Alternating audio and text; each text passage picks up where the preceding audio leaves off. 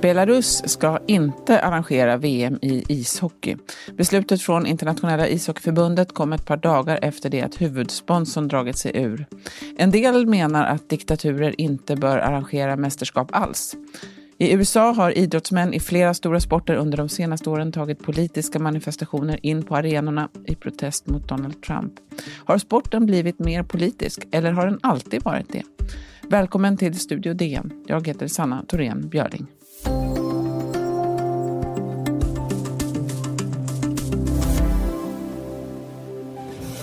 Berlin-olympiaden 1936 fick Hitler så mycket reklam att han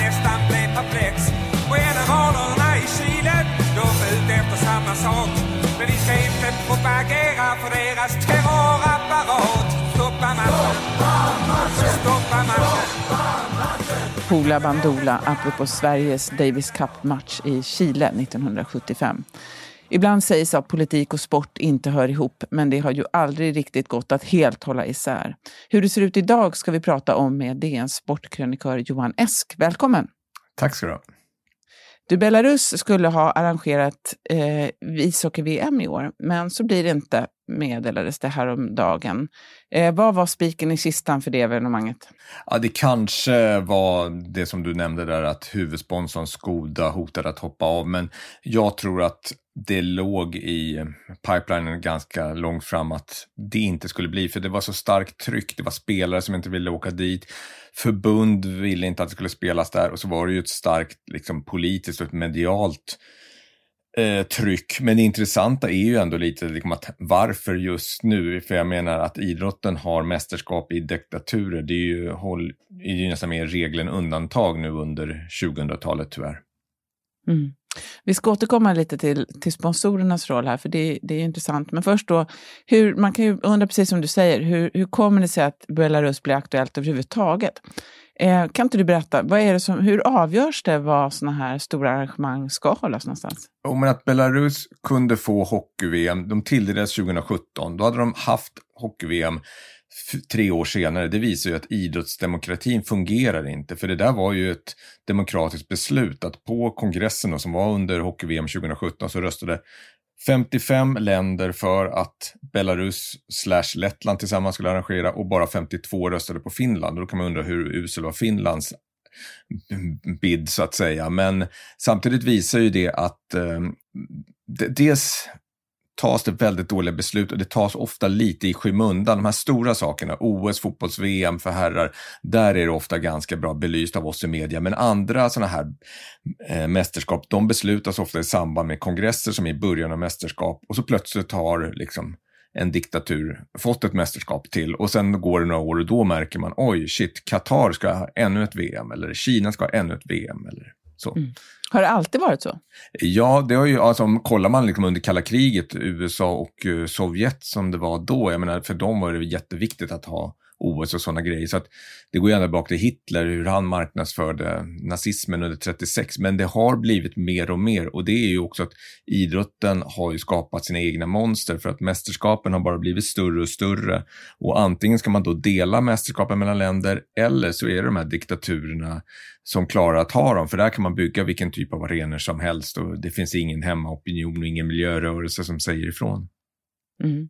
Vad har såna här repressiva regimer, vad har de att vinna på att synas i sådana här sammanhang? Då? Framförallt så är det väldigt starkt eh, inhemsk eh, propaganda. Alltså ett av, eh, jag minns senaste vinter-OS var det väl, nej näst senaste som var i Sochi, alltså i Ryssland. Det största jublen där, det var ju när man var på läktare och eh, Putin filmades på hedersläktaren. Så att, eh, och så är det ju. Liksom. Och det där gäller ju både liksom, om man säger väst och öst och vilka regimer. Sen, så handlar det väldigt mycket dels om att skapa nationell stolthet och också visa upp sig för världen att titta, vi är ju hur bra som helst. Så att det, liksom, det är ju någon slags sportswashing som pågår. Inte minst Qatar har ju ägnat sig väldigt, väldigt mycket åt det. Mm. Man argumenterar just ibland för att sport ska hållas fri från politik i den mån det går och vara en fristad för idrottsprestationer, en gemenskap över alla möjliga gränser. Det har ju aldrig riktigt gått, men under de senaste åren inte minst har ju aktivismen bland amerikanska idrottsmän fått väldigt stor uppmärksamhet eh, med protesterna under, nationalså eh, under nationalsången som har spridits liksom från gren till gren. De startade med NFL, med Colin Kaepernick 2016. Man såg ju någonting liknande redan under OS 1968, men det som har hänt nu senaste åren, vad, vad skulle du säga utmärkt de protesterna?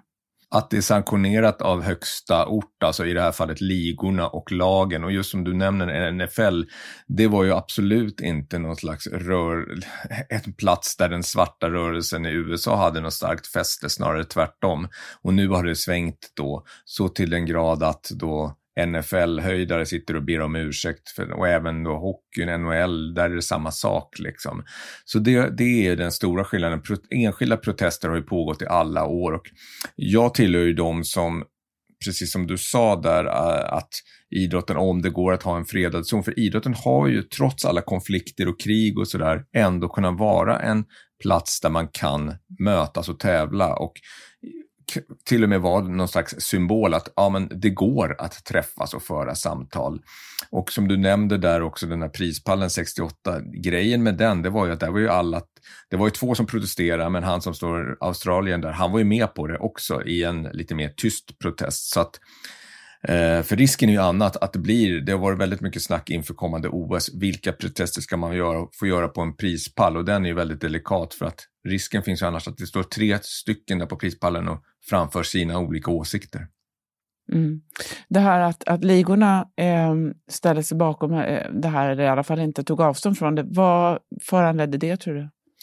Eh, jag tror verkligen inte man kan underskatta betydelsen av de kommersiella intressena och då får man backa bandet också till det här med Colin Copernic och hur han satte då en rörelse igång lite där med, eh, eller ja, mycket kanske man ska säga, men när, när hans protest och att Nike valde att satsa och göra en stor eh, satsning med honom där och det var ju, jag tror att Nike tog en väldigt stor risk där. Liksom det, de, vill, de ville testa vart tar det här vägen och Nike fick ju väldigt, väldigt mycket protester för det där i början. Men sen märkte de, oj, det här blev en enorm kommersiell succé och då var det ju liksom att de här ligorna i USA, de är ju extremt kommersiella. De bygger ju bara på pengar. Så att det var en NHL-höjdare som sa det att nu kan vi ju känna av mer att en sak som är rätt är också liksom bra business. Just det. Vi ska strax återkomma och prata mer om vad sponsringen kan betyda.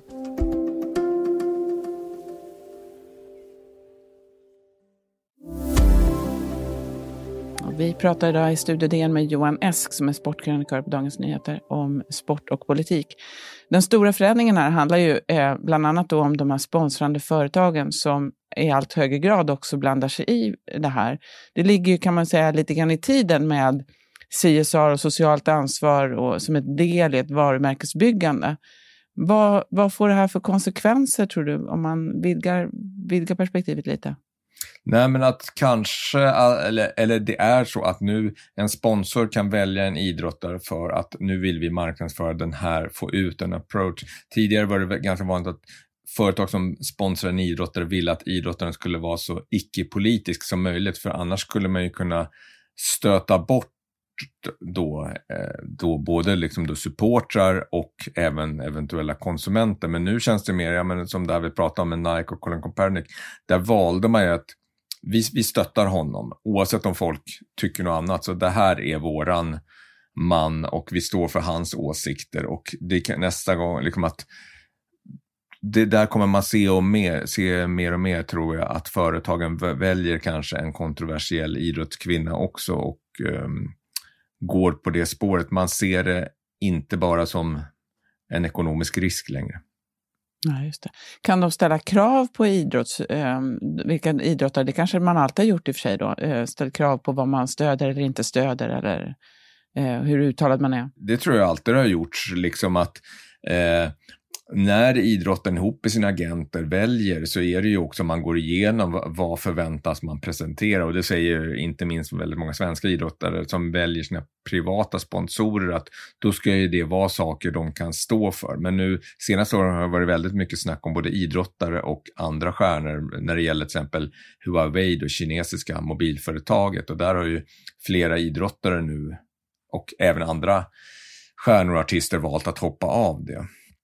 Så att jag tror att det, det, kommer också bli mer och mer att fler tänker efter mer och mer. Man sätter inte bara sin autograf och får pengarna, utan det blir ännu viktigare att kunna stå för det man sponsrar.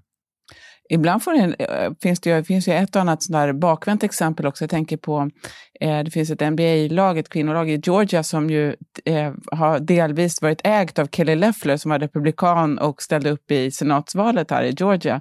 Och där blev det ju också, hon kallade Black Lives Matter-rörelsen för radikal vänsterrörelse och det orsakade ju väldigt stora problem för hennes ägande i det här eh, laget. Så då, blev det liksom tvärtom, att det var ägaren som var politisk och inte själva laget. Mm. Eh, men eh, elitidrottare är ju ofta förebilder och har stor makt om de tar ställning för något. Eh, men vilka baksidor har det här då för idrotten? Du var inne på det lite tidigare. Jo, men just för att inte minst de här klubbarna i, i om man tar fotbollsklubbarna i, i Stockholm, Hammarby, AIK och Djurgården så pratar de väldigt mycket om att vi ska vara en klubb där alla kan mötas. Spelar ingen roll vad du har för religion eller politisk åsikt eller bakgrund. Här träffas vi för att stötta AIK, Hammarby eller Djurgården. Det andra lämnar vi utanför. Och, men eh, det där är ju också så att jag vet ju i flera klackar då, Stockholmsklubbarna har det ju varit liksom konflikter ibland när vissa har ropat saker och ting och sådär. Men um, um, ja, politiken tar sig in överallt självklart, och även idrotten. Och de här lagen, det är ju också ett slags varumärken. Vad är det man hejar på egentligen? Det är ju också ett slags varumärke. Ja, och där, blir, där är också, vet du, det är rätt intressant, supportrarna är ju stenhårda, vad ska man säga, övervakare. Så fort det är något sorts reklamsamarbete som de inte gillar, då, då kommer eh, då hugger de direkt. Och jag vet att nu testas ju saker också, liksom att det finns ju liksom eh, kontakter innan. Nu, nu gör väldigt få stora svenska klubbar de misstagen, att man går in i en samarbete som kan gå helt snett. Liksom. Mm. Vad tror du att vi kommer att se framåt då för till exempel mästerskap? Som du nämnde här, vinter-OS ska eh, äga rum i Kina nästa år. Fotbolls-VM ska vara i Qatar. Eh, kommer det här att fortsätta eller tror du att det blir någon förändring här? Eh, jag hoppas att det blir en förändring på så vis att man kommer ha mer koll på när de här mästerskapen väljs. Vi har ett hockey-VM i Ryssland tror jag väl redan nästa år också. Eh, men eh, den första grejen som kommer vara, det, det tror jag blir i OS i sommar, kommer bli ännu mer om man säger individuella politiska protester och aktioner. Det ska bli intressant. Där har IOK, internationella olympiska rörelsen, har ju alltid varit extremt rigid när det gäller sånt, men till och med de har öppnat upp för att det ska vara mer okej okay att säga vad man tycker och där. Men där är, har ju varit sådana diskussioner hamnat, handlat nu om prispallen och mer det här office, för att eh, där, där kan det bli annars att man står bredvid någon i sitt största ögonblick och som framför en åsikt som man inte gillar. Men jag tror ju annars att de här icke-demokratiska länderna, de kommer fortsätta att söka mästerskap och det enda sättet att ändra det här det är ju att man drar ner, gör mästerskapen mindre. Men då är vi där igen i idrott och pengar. Att det vill ju inte tv-bolagen och det kanske inte vi publiken och i media heller vill för att vi vill ju att mästerskapen ska vara stora och eh, kittlande.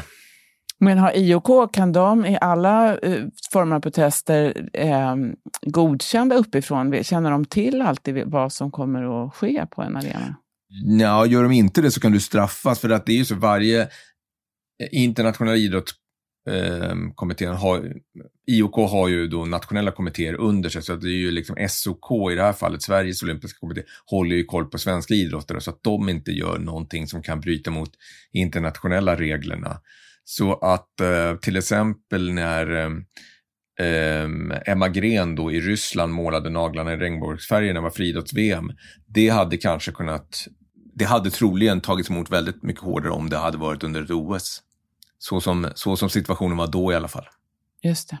Avslutningsvis bara, vad händer nu med, med VM i ishockey i maj-juni? Det blir Lettland och eh, någonting mer?